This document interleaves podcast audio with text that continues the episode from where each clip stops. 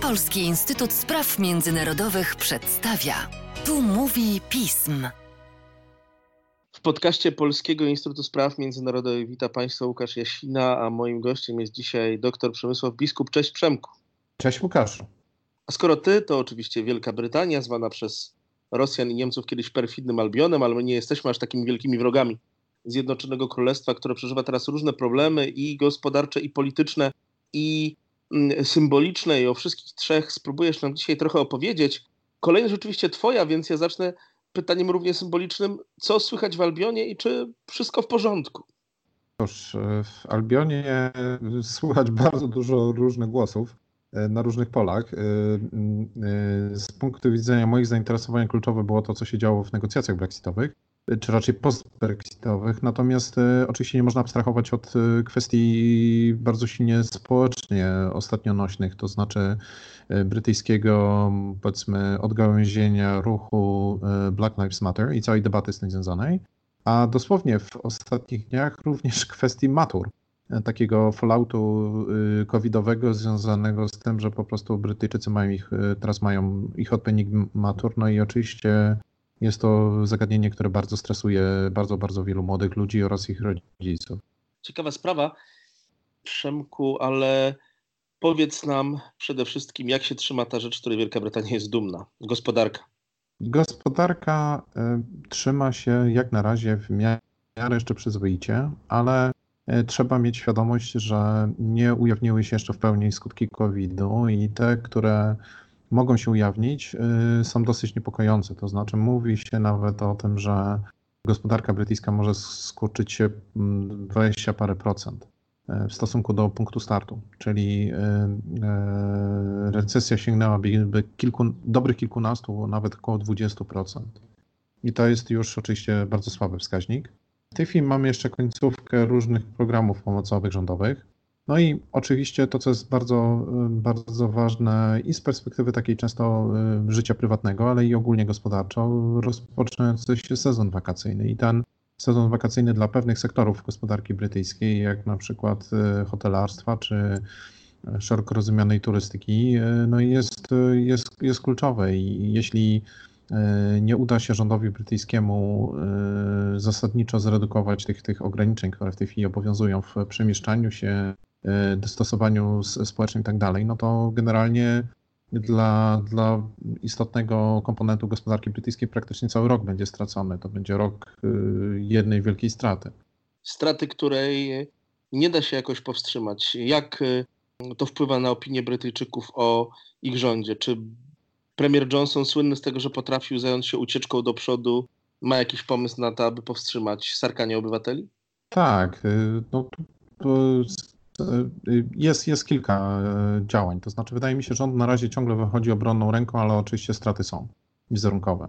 Natomiast e, trudno, żeby tych strat nie było z drugiej strony w takich okolicznościach. Więc e, po pierwsze, jest bardzo gorąca debata, w której, którą rząd stymuluje, pozwala jakby zabrać w niej, wziąć jej udział różnym osobom z różnymi poglądami, która pokazuje, że nie ma oczywistych decyzji w sprawie przykład dystansowania społecznego czy powrotu dzieci do szkół, tym normalnego, w miarę normalnego przeprowadzenia tych egzaminów, o których mówiłem.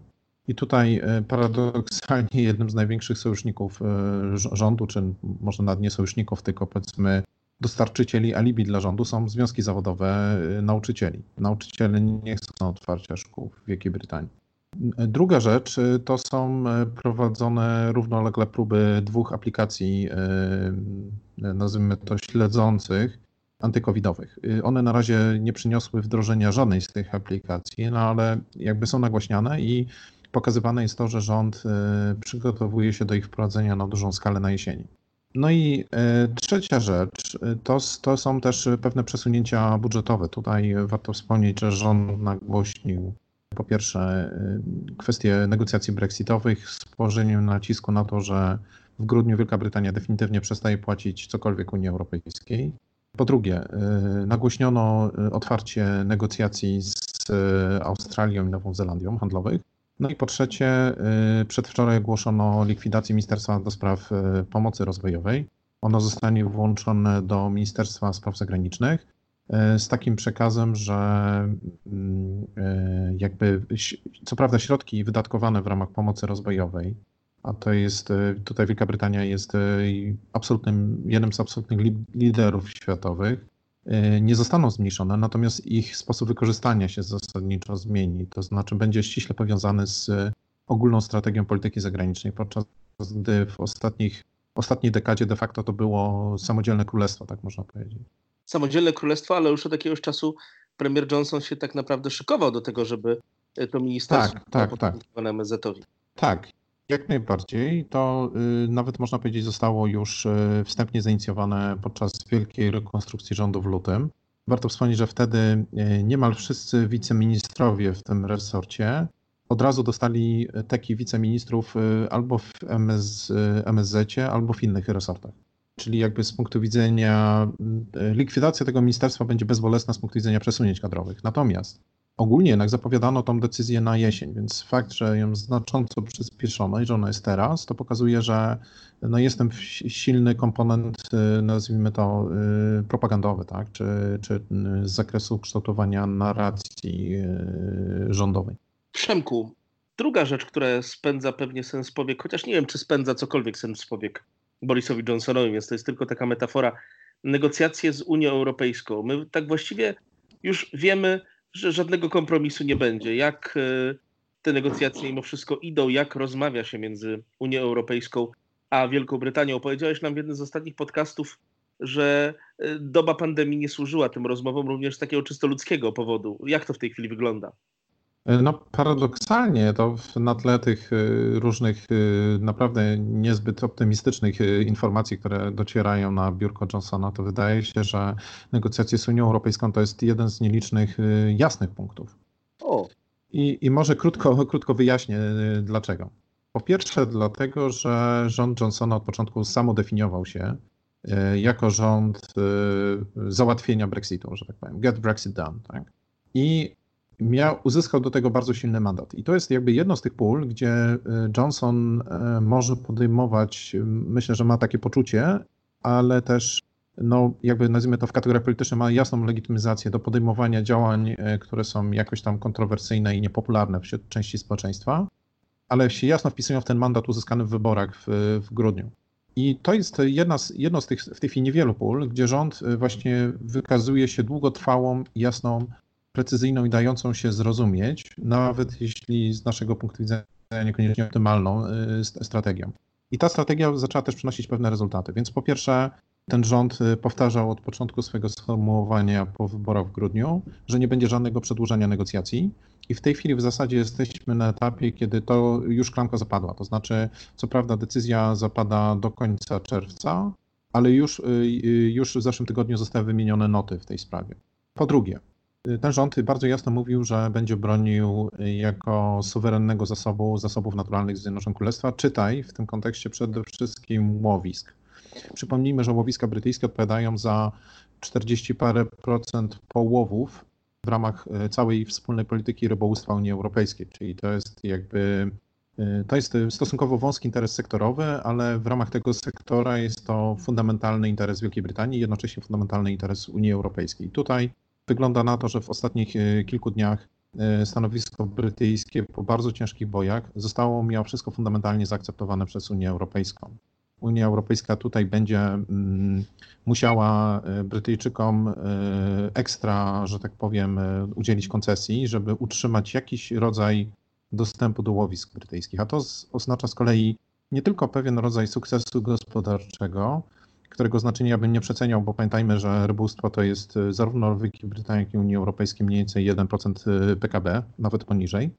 Tylko, a może przede wszystkim w tym kontekście jest to bardzo duży sukces y, rynkowy. Pokazuje, że Johnson wie, co robi w negocjacjach z Unią Europejską i że y, twarda, mm, konsekwentna postawa wobec Unii Europejskiej może przynosić Wielkiej Brytanii konkretne, wymierne korzyści.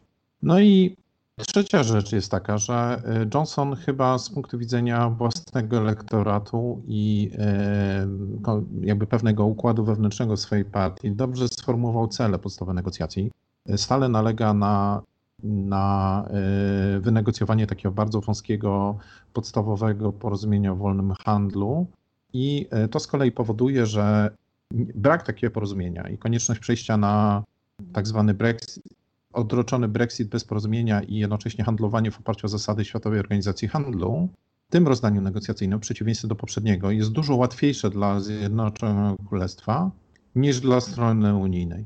I to z kolei y, oznacza, że w zasadzie y, postawa, y, w ramach której Wielka Brytania mówi nie, a Unia się musi starać, albo, albo alternatywą będzie wyjście bez porozumienia, które i tak jest częścią, nazwijmy to, szerokiego planu brytyjskiego, jest w zasadzie w, w, każdym przypadku jest sukcesem z punktu widzenia celów i zadań, które sformułował rząd Johnsona.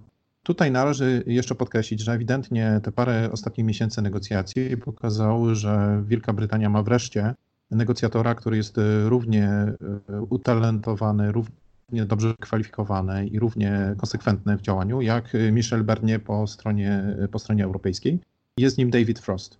Więc e, tutaj na tym polu powiedziałbym, że są znaczące sukcesy. I teraz ten przekaz, może już powoli będę kończył, ale, ale chciałem powiedzieć, że ten przekaz został wzmocniony w ciągu ostatniego tygodnia mniej więcej dwoma bardzo ważnymi e, ogłoszeniami ze strony, czy oświadczeniami ze strony rządu brytyjskiego. Mianowicie Brytyjczycy ogłosili swój e, plan taryfy celnej oraz swój, schemat zarządzania ruchem granicznym na granicy unijno, unijno-brytyjskiej. To jest akurat bardzo ciekawe, Przemku, i wcale myślę, że nasi słuchacze nie będą mieli pretensji, że im to wytłumaczyłeś, bo się o tym teraz coraz mniej mówi. Brexit, negocjacje postbrexitowskie, przepraszam, znikły nam teraz trochę z pola widzenia przez inne problemy. Ale mm, przechodząc do kwestii y, nieco szerzej społeczeństwu znanych, Wielka Brytania w ostatnim czasie też ma swój problem z przeszłością. On się odnawia. On przyszedł do Wielkiej Brytanii prawdopodobnie z jej byłej kolonii, czyli ze Stanów Zjednoczonych, ale widoki pomnika pewnego właściciela niewolników rzucanego w Bristolu do kanału, czy mm, protestów w Oksfordzie pod pomnikiem Cecila Rhodesa każą nam zastanowić się, czy ta legenda, którą Wielka Brytania jakoś nam roztoczyła, że Wielka Brytania sobie poradziła z przeszłością, jest prawdziwa. Jak to wygląda według Ciebie?